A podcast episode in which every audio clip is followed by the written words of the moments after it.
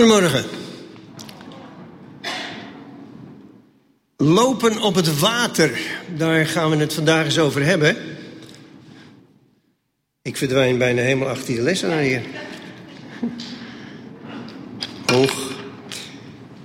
Lopen op het water. Uh, water is een ontzettend belangrijk ingrediënt, zoals jullie zo langzamerhand wel weten. En uh, ja, zonder water zou er geen leven zijn op deze aarde. En uh, toen ik daar zo over na moest denken... Ik ga, ik ga twee keer in de week uh, naar fysiofitness. Zou je niet, zou je niet zeggen, maar ik doe mijn best. Um, dan... Ja, je wordt een dagje ouder, ja. Maar goed, ik ga twee keer in de week naar fysiofitness. En op een gegeven moment... ja, ik raak met deze fysiotherapeut in gesprek. Hele fijne gesprekken hebben we... En uh, het gaat ook over God. En op een gegeven moment uh, zegt hij, ja, de mens bestaat voor 65% uit water. En voor 75% uit water zijn ze niet helemaal over eens en de rest is stof. En daarom geloof ik in God. Ik zeg, nou, vind ik interessant. Ja, hij zegt, want weet je, dan moet je toch ontzettend knap zijn... om uitsluitend uit water en stof zoiets moois te maken als een mens. Daar moet je God voor zijn. Dus God bestaat. Nou, is toch een leuke binnenkomer?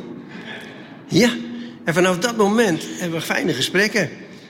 Allerlei gesprekken over dingen van de Heer, over dingen van God zelf, uh, hoe Hij werkt, ook in mensenharten enzovoort. En nou ja, zo kwamen we van water op stof en van stof op water. En zonder water is er geen menselijk leven. En daarom neem ik jullie mee naar een waterige preek. En die begint in Jesaja 55. En die eindigt in Matthäus 14. En de rest gaat ook over water. Jesaja 55, vers 1. O alle dorstigen, kom tot de wateren. En u die geen geld hebt, komt, koopt en eet. Ja, komt, koopt zonder geld en zonder prijs wijn en melk.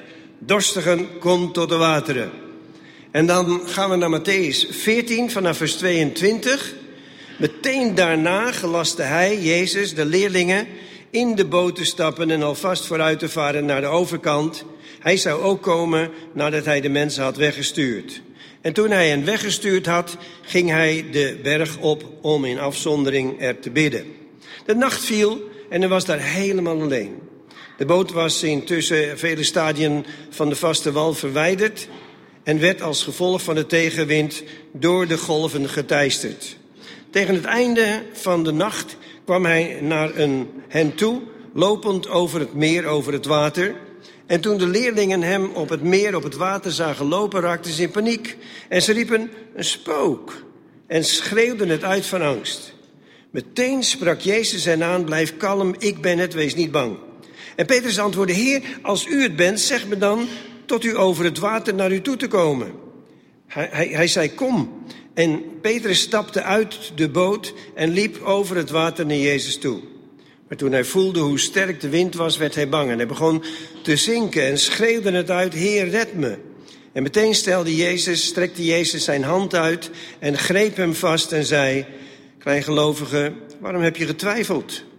Toen ze in de boot stapten, ging de wind liggen. In de boot bogen de anderen zich voor hem neer en zeiden... U bent werkelijk Gods zoon. Als Jesaja zegt, kom tot de wateren, dan moeten we ons even voorstellen dat je op veel manieren tot het water kunt komen. Je kunt komen naar Jezus en een stroom van levend water ervaren. Je kunt ook komen naar de wateren van bijvoorbeeld de Jordaan, zoals de Naaman, om genezing te ontvangen. Je kunt op vele manieren naar het water komen om gedoopt te worden, genezing te ontvangen, zoals ik al zei, en nog een aantal dingen. Nou, laten we eens even kijken door de Bijbel heen, waar water ook een grote betekenis heeft. Als ik je allereerst even mee mag nemen naar de uh, Israëlieten in Egypte, toen ze nog in slavernij zaten daar, dan op een gegeven moment leidt God hen uit uit Egypte. En dan komen ze daar bij de Rode Zee. En dan moeten we ons even realiseren wat het laatste was... wat de Israëlieten hadden gedaan in het land Egypte. Weet je dat nog? Ze vierden Pascha. Ze maakten kennis met het bloed van het lam. Een lam moest geslacht worden. En ze moesten het bloed aanbrengen aan de deurposten, opdat de doodsengel voorbij zou gaan. Dus ze maakten kennis met het bloed van het lam. En wat was toen de logische tweede stap? Kom tot de wateren van de doop. Dat hebben wij ook geleerd. Als we Jezus hebben leren kennen, dan willen we ook tot het water komen van de doop. En dat zie je hier ook prachtig uitgebeeld. Want God had hen ook via een hele andere weg kunnen leiden, maar hij brengt hen naar de wateren van de Rode Zee. En dan lijkt het alsof dat water hun, hun, hun, hun weg lijkt te blokkeren, maar uiteindelijk redt dat water hen uit de slavernij. Dus dat water heeft hier ook een reddende functie. Datzelfde zie je bij Noach. Bij Noach zie je dat, dat van staat, Petrus schrijft erover in zijn eerste brief. Hij zegt, daar is Noach en de zijne en dan komt de zondvloed. En als tegenbeeld daarvan redt u thans de doop. En ik weet niet of je er ooit over hebt nagedacht, maar, maar de doop heeft dus een reddende functie. Niet, niet voor de eeuwigheid, want je bent behouden op basis van je geloof in de Heer Jezus Christus. Maar die doop heeft wel een reddende functie. Als je het ziet bij het volk Israël bij de Rode Zee, dan gaan ze door dat water heen, worden ze gered uit slavernij en al hun vijanden verdrinken achter hen. En als je ziet bij Noach en de zijnen, dan zie je hoe daar hij met zijn gezin in die ark is. En hoe ze gered worden door het water heen van de dood. En als je ziet hoe de doop door onderdompeling in water veel tegenstand geeft, vooral bij mensen die als kind al eens gedoopt zijn, dan zie je dat de doop een reddende functie heeft. Ook uit een wettisch systeem. Ook uit een zondig systeem. Uit alle systemen red je thans de doop. En voor de goede orde, de doop die wij hanteren voor kinderen, is natuurlijk een heel andere zaak dan de doop door onderdompeling. Doop, kinderdoop gaat het puur om ingelijfd te worden in het verbond met Abraham. En de doop door onderdompeling is door de doop met Christus gestorven zijn. In de doop doodgaan en leven enzovoort. Dus die doop, dat water, heeft ook een reddende functie. Maar ook een genezende functie. Want als we denken aan Naaman, dan is Naaman is melaats en die zoekt genezing. En, en dan zegt de profeet namens de Heer: Je moet zeven keer ondergedompeld worden in het water van de Jordaan. En dan zegt hij: Ja, maar de rivieren van Syrië zijn veel mooier. Zal ik daar in die stinkende Jordaan gaan zitten? Ik wil naar de rivieren van Syrië. Maar de rivieren van Syrië, die leveren niks op. Want het gaat niet zozeer om het water van een rivier, maar het gaat om de gehoorzaamheid aan het woord van God. En elke keer als het water een betekenis in jou en mijn leven heeft, gaat het om gehoorzaamheid. Als ik stromen van levend water uit mijn binnenste wil zien komen, dan zal het moeten zijn door gehoorzaamheid dat ik het woord van God heb aanvaard. De geest van God heb aanvaard. Als ik me laat dopen, is dat door gehoorzaamheid. Als ik genezen zoek, is dat in gehoorzaamheid naar het woord van God. Dus dat woordje gehoorzaamheid komt altijd weer terug. Dus Naaman gaat zeven keer onder in het water van de Jordaan, is genezen. En dan vele jaren later staat daar in diezelfde Jordaan Johannes de Doper te dopen. En dan wil hij ook Jezus dopen. Hij wil het eigenlijk niet, maar Jezus wil gedoopt worden. En dan zegt Jezus, kom, laten we dat maar gebeuren. Want het is goed dat we op deze manier Gods gerechtigheid vervullen. En dan vraag je je af, waarom moest Jezus zich laten dopen door Johannes? Want Johannes doopte een doop van bekering en waar moest Jezus zich van bekeren? Nergens van. Maar hier begint de weg dat Jezus als mens de hele weg wil gaan die wij ook moeten gaan. Hij moest mens worden gelijk aan ons, maar zonder te zondigen. Dus steeds komt dat water weer terug door de Bijbel heen. En uiteindelijk komen we dan ook bij ons verhaal. En dat verhaal gaat dan over Jezus die wandelt over het water. Nou is er even iets heel interessants en dat is... Hebben jullie je wel eens gerealiseerd in Matthäus 14... wat er vooraf gaat aan het wandelen op het water? Wat er aan vooraf gaat in Matthäus 14 is de broodvermenigvuldiging.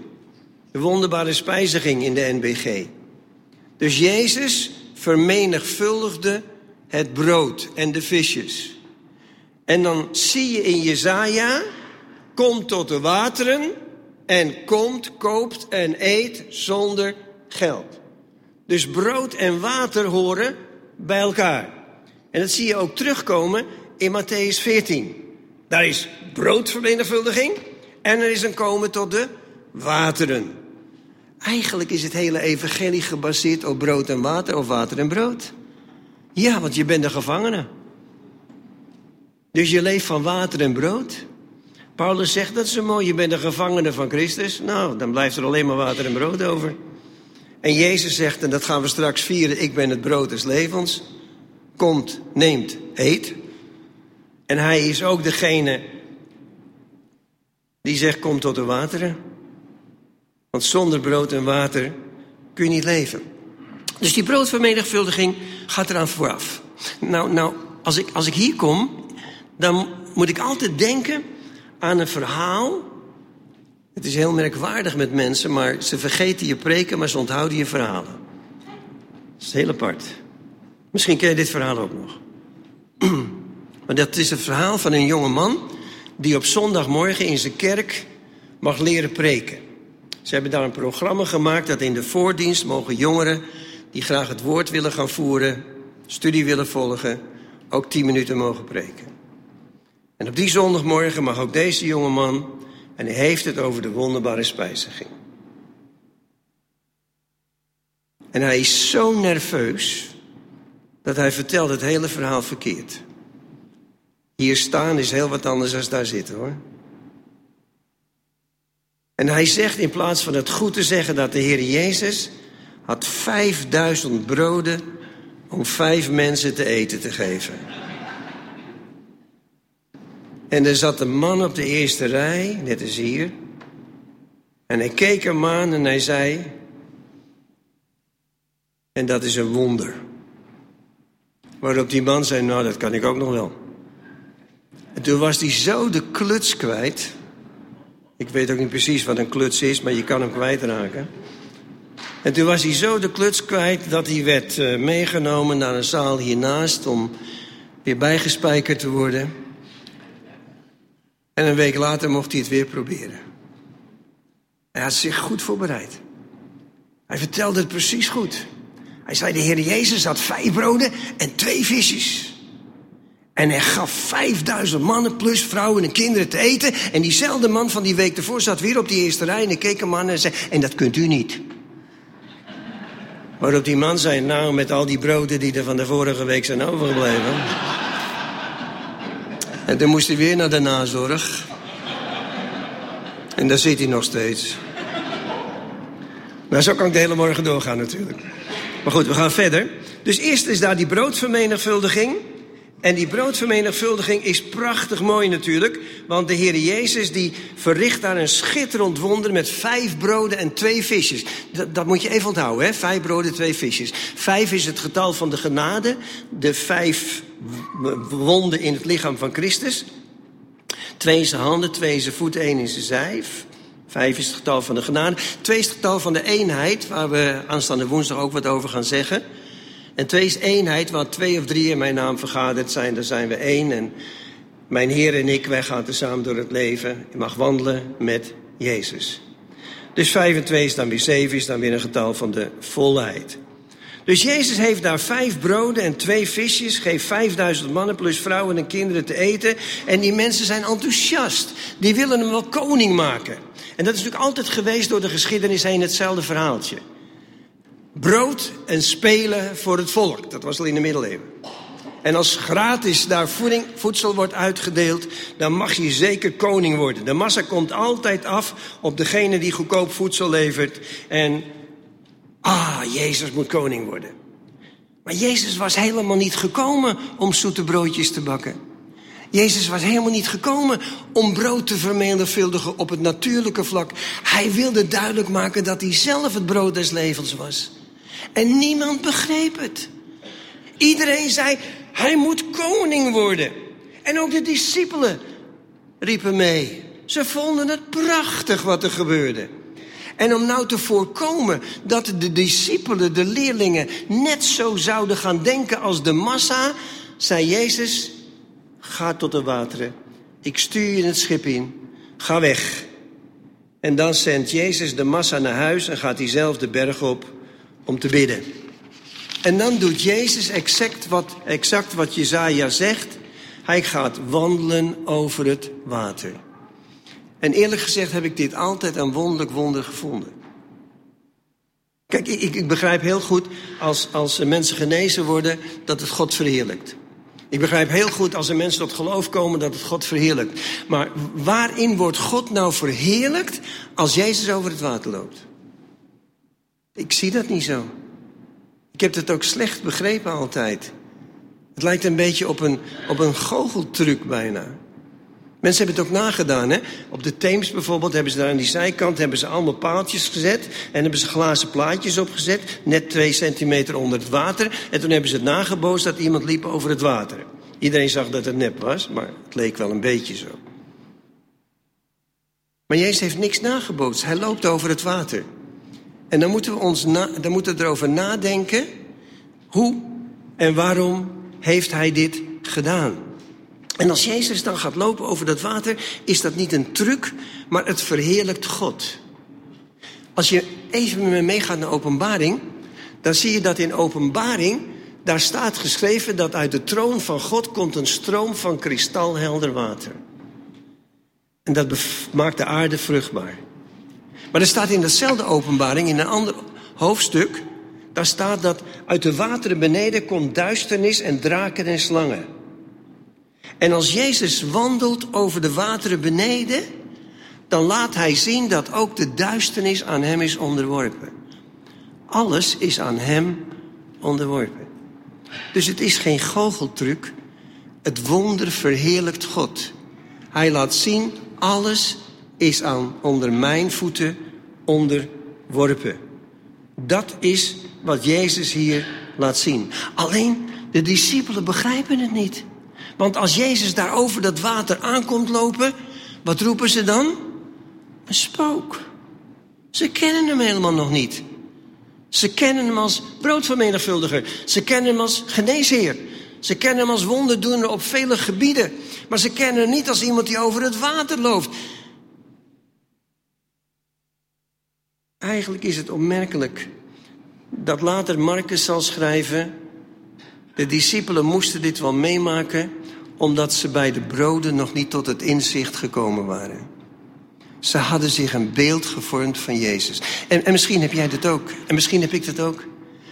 En, en we hebben geen afgod er meer van gemaakt. Wij maken geen afgoden, geen, geen idolen. Maar we hebben wel beelden, afbeeldingen. Wij hebben denkbeelden. Wij denken dat Jezus is zoals wij denken. En daarmee hebben we wel een denkbeeld gecreëerd. En een denkbeeld is ook een beeld. En dat betekent dus dat Jezus voor ons en ook God vaak moet passen in onze gedachtenwereld. Hoe ziet Jezus er volgens jou uit? Voor de ene is hij Sinterklaas en voor de andere is hij een verterend vuur. We hebben ons beeld gevormd van Jezus. En de discipelen hebben zich ook een beeld gevormd van Jezus. Brood vermenigvuldigen, koning maken, wonderen doen. Maar dit, ze kennen hem dus niet echt. En als ze dan schreeuwen van angst, een spook, dan zegt Jezus: Blijf kalm, ik ben het, wees niet bang. En dan is het uitgerekend weer Petrus die meteen reageert en die zegt: Heer, als u het bent, beveel mij dan tot u te komen over het water. Vind ik mooi. Petrus doet het heel knap. Petrus zegt: Voor ik iets bovennatuurlijks ga doen, wil ik zeker weten dat het uw wil is. Ik, ik wil niet zomaar wat doen. Dus hij zegt, Heer, als u het bent, beveel mij dan tot u te komen. Uw wil moet het zijn. Ik verlang naar iets bovennatuurlijks, maar ik weet niet of u het goed vindt. Dus zeg alstublieft dat het uw wil is. En wat doet Jezus dan? Die zegt, kom tot de wateren. Kom tot de wateren. Petrus, bij elke beslissing wil ik graag weten of het uw wil is. En Jezus zegt, het is mijn wil. Je mag iets bovennatuurlijks beleven. Kom tot de wateren. En nou is er een probleem. En dat probleem is, je kunt dus in de wil van God staan en toch, toch wegzinken. Dat is vreemd, hè? Ik heb altijd gedacht, als ik eenmaal in de wil van God sta, gaat alles goed. Maar het is niet zo. Ik kan in de wil van God staan en toch wegzakken. Weet je wat er komt? Omdat het één ding is om in de wil van God te staan, maar het is nog een ander ding om daarnaast je ogen gericht te houden op Jezus. Want dat is belangrijk. In de wil van God, plus je ogen gericht houden op Jezus. En als Petrus dan op dat water gaat lopen, dan zou hij zo graag iets bovennatuurlijks beleven, maar daarmee is hij niet uniek. Want elk mens verlangt naar een bovennatuurlijke ervaring. Jij, ik, wij allemaal. De hele wereld verlangt naar bovennatuurlijke ervaringen. Daarom is die occulte wereld zo vol met mensen die op zoek zijn naar bovennatuurlijke dingen. Maar God vindt het ook goed. En, en waarom zit het nou in elk mens gebakken dat hij verlangt naar een bovennatuurlijke ervaring? Dat komt omdat hij geschapen is door een bovennatuurlijke God. En we zijn geschapen naar zijn beeld en gelijkenis. Dat betekent dus dat het heel normaal is, als je geschapen bent naar het beeld van een bovennatuurlijke God, dat je je ook uitstrekt naar bovennatuurlijke dingen. En nogmaals, dat mag. Alleen je moet het niet op de occulte weg doen, maar je mag het wel op de christelijke weg doen. De Bijbel zegt in het begin was het woord en het woord was bij God en het woord was God. God en zijn woord zijn één. En als ik het woord geloof, zie ik ook daarin weer God. Dus Petrus zegt, ik verlang naar iets bovennatuurlijks. En Jezus zegt, kom tot de wateren. En dan is er nog iets. Want als Petrus iets wil beleven wat bovennatuurlijk is, moet hij wel op het natuurlijke vlak in beweging komen. Wonderen gebeuren zelden bij mensen die met gevouwen handen blijven afwachten op de dingen die gaan komen. Voor wonderen heb je ook een natuurlijke reactie nodig. Als Petrus was blijven zitten in de boot en had gezegd: Jezus, als het uw wil is dat ik wandel op het water, til me dan uit de boot en zet me op het water, dan was er nooit wat gebeurd. Maar hij deed wat hij kon. En wat kon hij? Uitstappen en wandelen. Dat deed hij elke morgen als hij van de visvangst terugkwam. Dan stapte hij uit de boot en wandelde naar huis. Alleen was dat op het strand en nu was het op water, maar dat was ook het enige verschil. Nou ja. Maar dat kon hij. Uitstappen en wandelen. Dus als Petrus wat bovennatuurlijks wil beleven, moet hij eerst op het natuurlijke vlak iets doen wat hij kan. En dat brengt me tot deze stelling. Het bovennatuurlijke komt tot stand door te gaan handelen vanuit het natuurlijke. Laat me dat uitleggen. Als je op zieken de handen legt, is dat een natuurlijke handeling of een bovennatuurlijke? Dat is een natuurlijke handeling. Maar die handeling, die natuurlijke handeling, stelt bovennatuurlijke krachten in werking. Als je volgens Jacobus 5 de oudste roept om je met olie te zalven, is olie zalven bovennatuurlijk of natuurlijk? Natuurlijk. Maar door dat in gehoorzaamheid te doen, stel je bovennatuurlijke krachten in werking. Dus het bovennatuurlijke komt tot stand door te gaan handelen vanuit het natuurlijke. En nu zitten we met een punt, en dat is wel heel belangrijk. Ik hoor veel mensen zeggen van, ja, maar God kan het toch ook wel zonder ons? Ja, lieve mensen, zonder ons was hij al lang klaar geweest. Hij heeft er juist voor gekozen om het door middel van ons te doen. Hij heeft het tegen ons gezegd, op zieken zul je de handen leggen. Hij heeft tegen ons gezegd dat we moeten bidden. Hij heeft tegen ons gezegd op het natuurlijke vlak in beweging te komen en te gaan evangeliseren. Hij heeft tegen ons gezegd dat te gaan doen. En als wij getrouw zijn, gehoorzaam zijn in het natuurlijke, dan zal het bovennatuurlijke gebeuren. Want wie niet getrouw is in het natuurlijke, zal ook geen bovennatuurlijke dingen ervaren. Dat is wat staat. Dat, betekent dus dat wij met elkaar ons moeten realiseren dat bovennatuurlijke dingen gekoppeld zijn aan onze gehoorzaamheid mede in het natuurlijke. En het wonder is ook niet dat Petrus wandelde. Het wonder is dat hij niet zonk. Pas als hij zijn ogen weer gericht houdt op de situatie, zakt hij weer weg. En dat vind ik het verdrietige van al die schilders die hem altijd geschilderd hebben. Er zijn zoveel schilderijen van hem en dan zakt hij altijd weg. Maar ik denk wel eens, hij vaker erop gelopen of langer erop gelopen, want hij heeft heen gelopen, weggezakt, eruit gehaald en weer teruggelopen. Hij zakt weg. En weet je wat mij opvalt? Dat Jezus niks doet. Hij laat hem rustig zakken. Weet je wanneer Jezus wat doet? Als hij om hulp roept.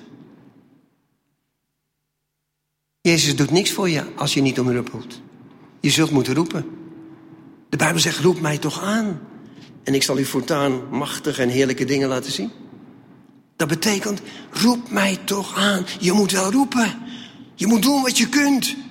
Je moet dat doen wat bij je hoort.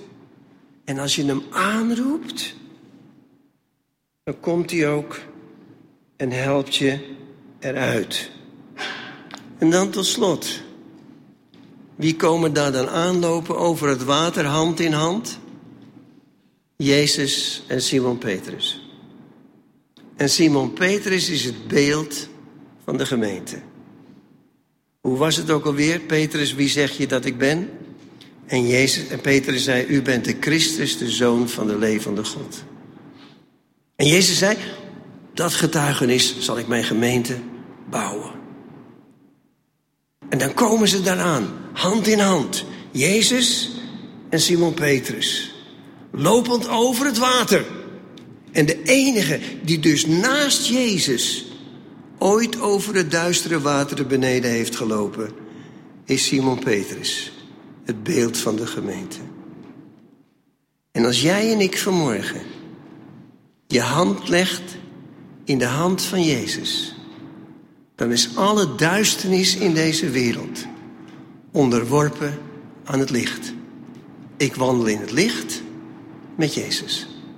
En als ik wandel in het licht met Jezus, moet de duisternis wijken. De enige die over het water heeft gelopen naast Jezus is Petrus, de gemeente. En vandaag kan ik zeggen, stap uit je boot. Pak de hand van Jezus beet. Laat je niet meeslepen in wat alles wat er momenteel in de wereld gebeurt. Want de duisternis zal toenemen. Maar de duisternis is overwonnen. En de duistere wateren zijn overwonnen. Als je hand in hand met Jezus zult wandelen. Ook in deze tijd. En als je dat wilt, als je dat aandurft, dan kunnen we daar samen voor gaan bidden.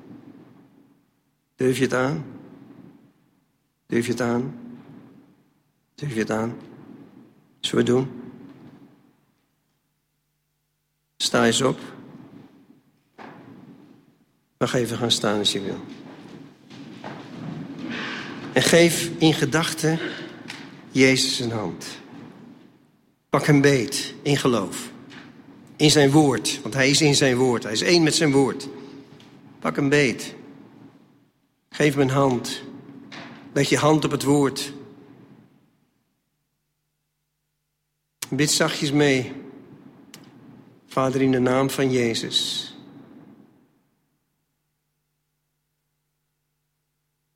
Wil ik doen wat uw woord zegt.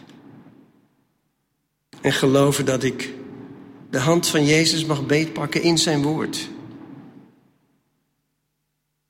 En dat er overwinning zal zijn over de duisternis. Als ik ga wandelen met Jezus. Niet drie minuten, maar gewoon mijn leven lang. Niet krampachtig, maar me steeds weer zal realiseren. Ik wandel in het licht. Hand in hand met Jezus. En elke keer als ik dreig weg te zinken, wilt u er dan weer zijn, alstublieft. En mij helpen om met u te blijven wandelen. En u vast te houden, want u houdt mij ook vast. Dank u wel daarvoor. Amen. Ga lekker zitten.